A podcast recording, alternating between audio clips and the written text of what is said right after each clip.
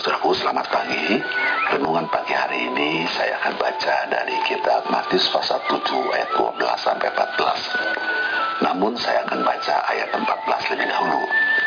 Karena sesaklah pintu dan sempitlah jalan yang menuju kepada kehidupan dan sedikit orang yang mendapatinya. Tuhan Yesus tolong kami pagi hari ini. Kami kembali mau mendengarkan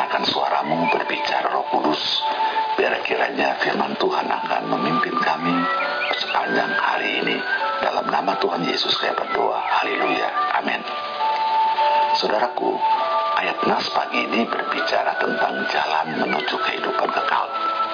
Dan jalan itu sangat sesak, bahkan sempit. Karena itu, sedikit orang yang mau menempuh dan melewati jalan itu. Renungan pagi ini saya beri judul Persembahan yang Berkenan. Saudara, siapa pun yang hendak menempuh jalan yang benar harus tahan terhadap segala tekanan.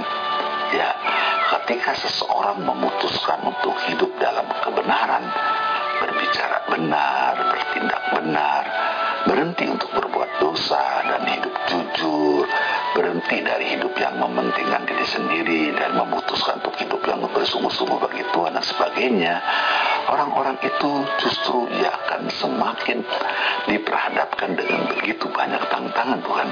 Misalnya dia akan dicibir oleh temannya sendiri dan ada banyak lagi orang-orang di sekitarnya yang akan menganggapnya jadi orang yang aneh atau sok suci. Ketahuilah saudara, itulah pekerjaan iblis yang terus berusaha untuk mempersulit kehidupan orang-orang yang telah memutuskan untuk hidup di jalur yang benar. Sebab iblis hanya memiliki tujuan untuk menekan orang-orang benar supaya mengalami patah semangat dan akhirnya menyerah. Lalu ia akan berhenti untuk hidup benar dan kembali ke jalan yang salah atau hidup berdosa.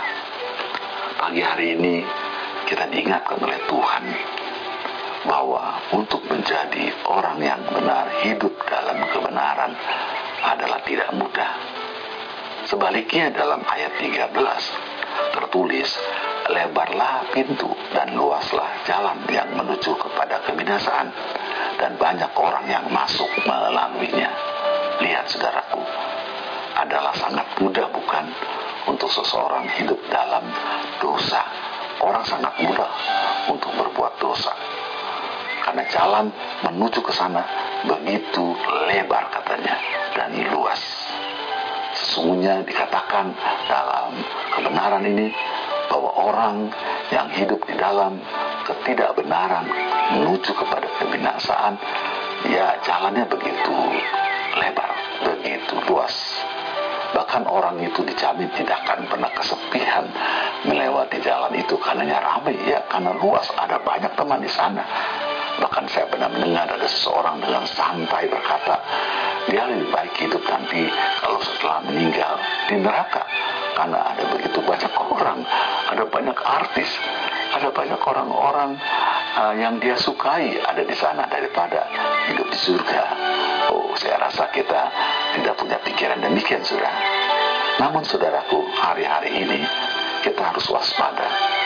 Dunia penuh dengan kompromi Orang lebih suka hidup menurut keinginan sendiri, santai, acu tak acu, dan tidak mau bayar harga untuk perkara-perkara rohani.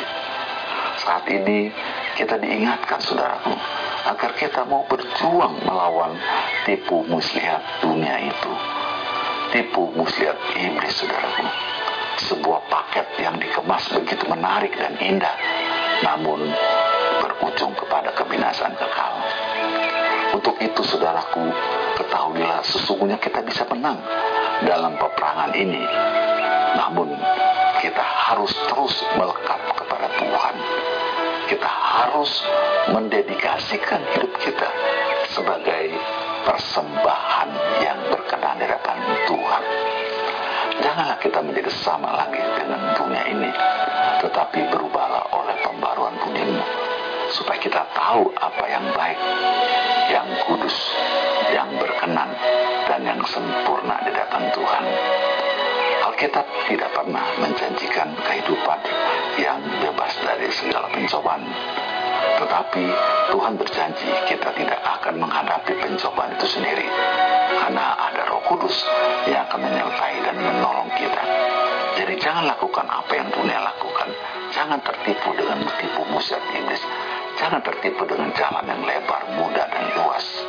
Jangan lagi kita terlibat di dalam gosip-gosip misalnya dan pergaulan-pergaulan yang bebas, yang salah, yang hanya karena mungkin seseorang merasa kesepian, dia bergaul dengan sebebas-bebasnya. Keliru, saudaraku. Mari kita persembahkan hidup kita menjadi persembahan yang berkenan, yang istimewa bagi Tuhan. Tetaplah di jalur yang benar, tetaplah hidup di jalan yang benar, meskipun sesak dan sukar, namun itu menuju kepada keselamatan yang kekal. Tuhan Yesus memberkati. Mari kita berdoa. Bapa kami dalam surga, inilah hidup kami Tuhan sebagai sebuah persembahan yang istimewa, yang berkenan. Tuhan, biarlah kiranya nama Tuhan dipermuliakan melalui hidup kami. Walaupun kami menyadari ada jalan yang sempit, ada jalan yang sukar yang harus kami lewati. Kami tahu Tuhan bahwa kami tidak sendiri. Engkau roh kudus menyertai dan membimbing kami sehingga kami mampu cakap melewati segala cobaan godaan. Jauhkan kami dari kompromi dunia, tetapi biarlah kami boleh sungguh-sungguh hidup berkenan di hadapan Tuhan. Inilah kami Tuhan, persembahan yang berkenan kepadamu. Berkati aktivitas kami di dalam nama Tuhan Yesus kami berdoa. Haleluya. Amin.